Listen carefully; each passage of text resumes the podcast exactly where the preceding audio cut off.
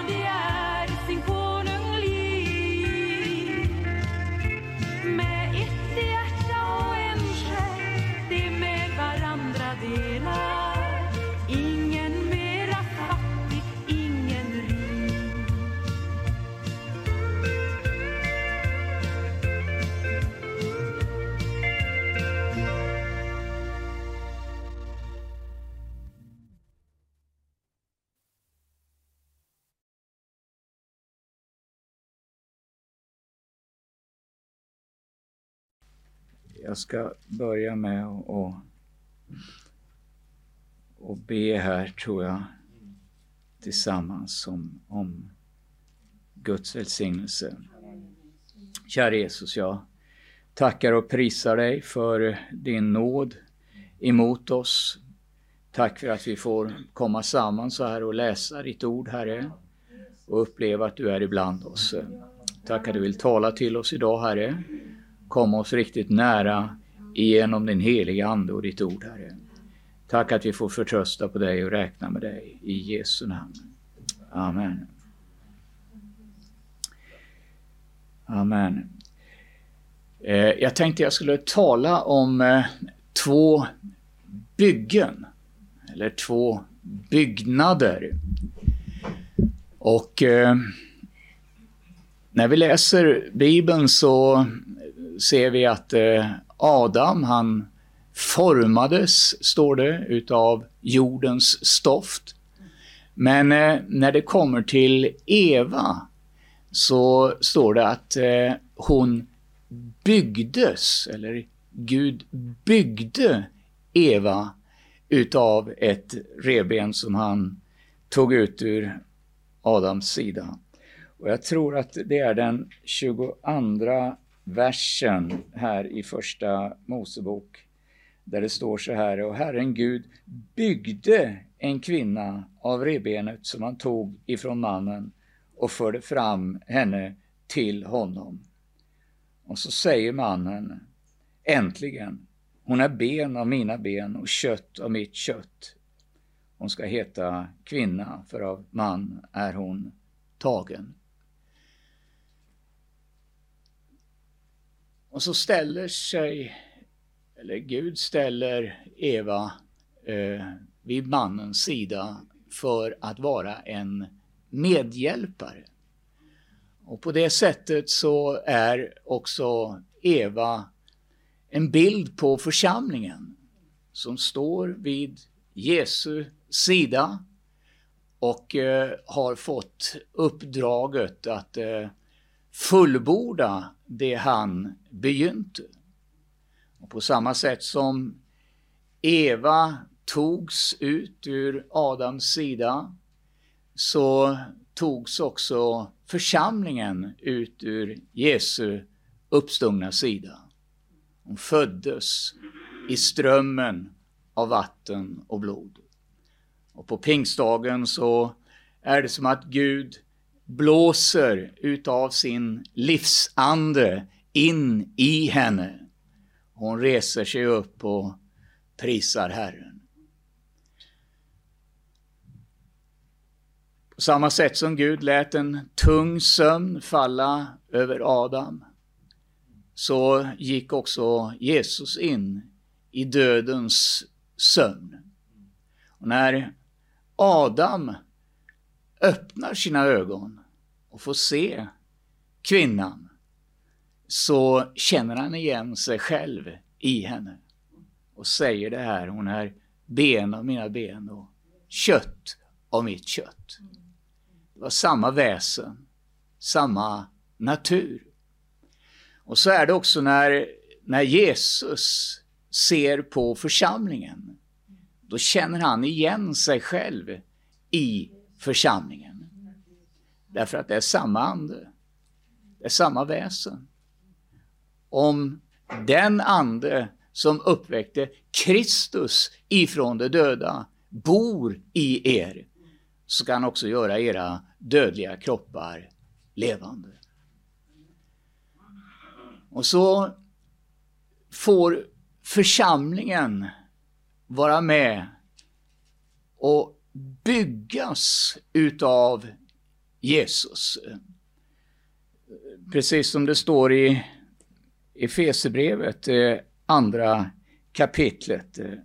Därför är ni inte längre gäster från den 19 versen och främlingar, utan medborgare med det heliga och medlemmar i Guds familj. Ni är uppbyggda på apostlarnas och profeternas grund och hörnstenen är Kristus Jesus själv. I honom fogas hela byggnaden samman och växer upp till ett heligt tempel i Herren. Och i honom blir också ni sammanbyggda till en boning åt Gud genom Anden. När Bibeln talar här om att bygga eh, så är det ett ord som eh, handlar om att eh, konstruera, att skapa, ungefär som ett hus eller en stad. Och det är detta som Gud håller på att iordningställa nu och, och skapa. Och eh, när Johannes i Uppenbarelseboken får uppmaningen att eh, han ska lyfta blicken för att se bruden, så blir han förd, står det, upp på ett högt berg. Men han lyfter blicken så ser han en stad komma ner ifrån himlen. Och man kan ju fundera och fråga sig varför visar Gud inte en kvinna utan en stad? Men eh, jag tror att staden handlar ju inte bara om murar och, och, och hus och, och, byggnader, utan staden handlar framför allt om de människor som bor i staden.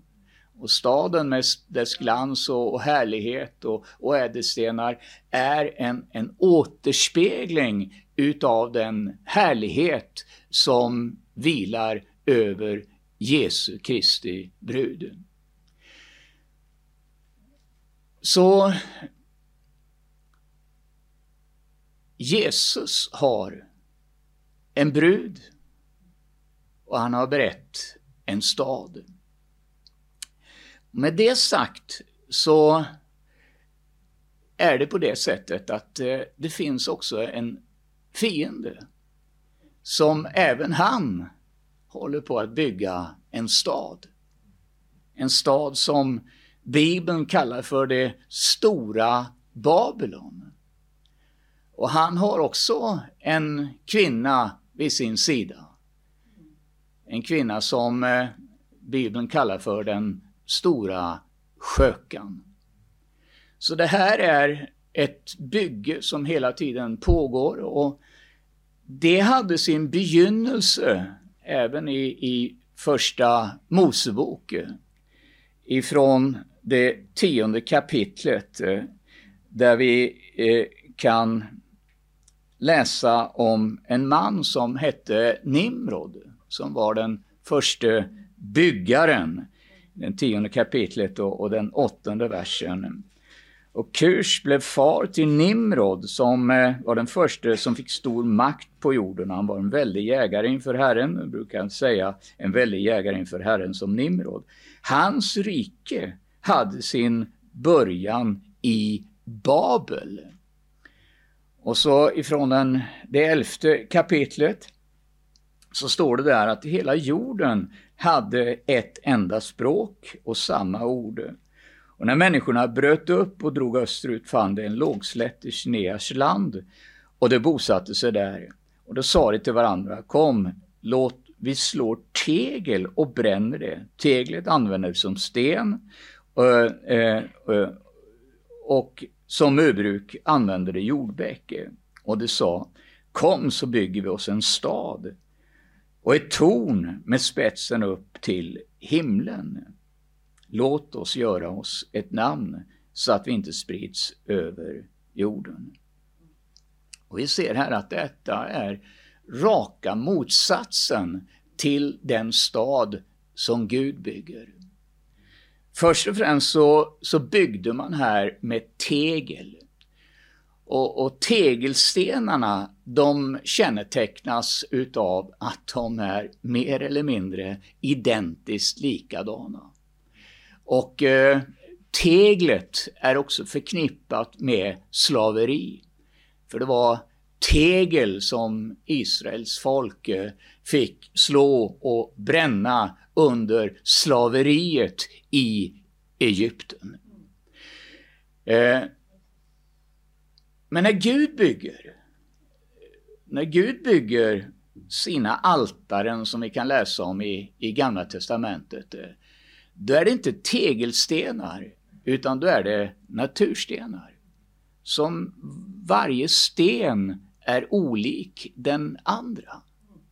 Men eh, slaveriet och även det religiösa slaveriet, eh, det har en tendens att eh, likrikta.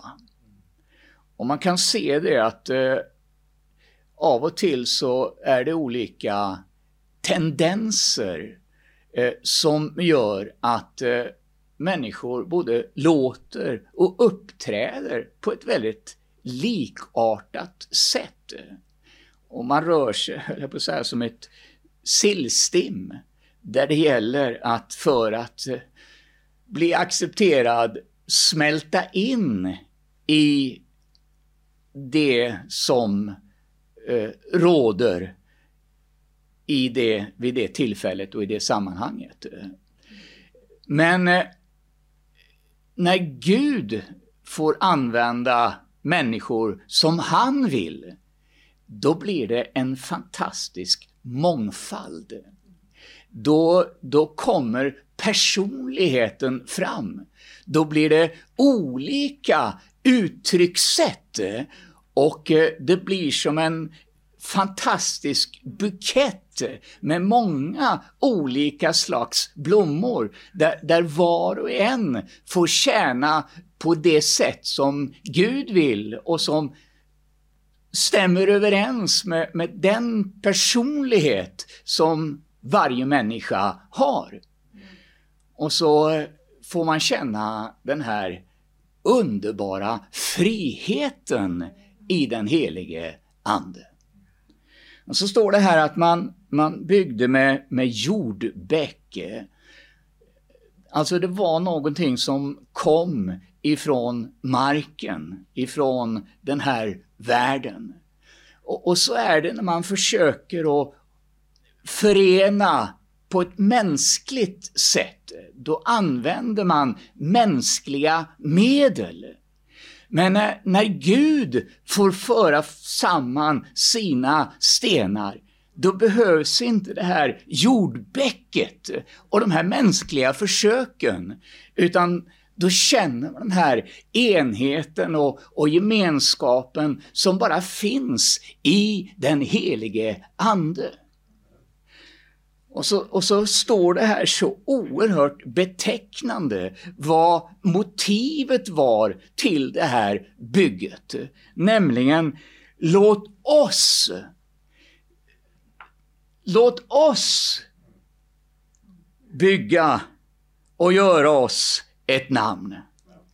Det var alltså inte Jesus som skulle upphöjas och bli stor, utan det var de själva som skulle bli upphöjda och skapa ett namn. Och det är sån frestelse att bygga på sitt eget lilla torn som man ger ett namn och försöker liksom samla under sitt eget lilla paraply. Men eh, när Gud kommer så blir det tvärtom att då vill vi gå ut. Gå ut i hela världen. Nimrod betyder rebell. Och, och, Det handlar om denna rebelliska ande där man inte bryr sig om vad Gud har sagt. Gud sa föröka er och uppfyll jorden. Men så gör man istället tvärtom. Samlas och, och bygger på sin egen stad. Men resultatet blev förskingring. Men när Gud får komma till, då blir det tvärtom. Då blir det gemenskap och samling i honom. Och så kan vi utifrån det gå ut i hela världen och göra alla folk till hans lärjungar. Och själva ordet Babel betyder Guds port. Men eh, det är bara det att när man går in genom Babels port så kommer man till någonting helt annat eh, än det Gud vill göra. Då kommer man till den här människoförgudningen och eh, upphöjandet utav människor. Och Jag tror det fanns en anledning också till varför Gud var så noga med att man inte skulle bygga städer. För vi ser idag konsekvenserna utav när många människor samlas i stora städer. Hur det är där som synden och ondskan och våldet och, och allt det vi läser om, det sker framförallt i staden. Och eh, Daniel talar också om eh, vad som ska hända eh, den sista tiden eh, med denne man som Nimrod är en förebild på. Som ska träda upp och eh, försöka förena eh, alla krafter till en gemensam ansträngning.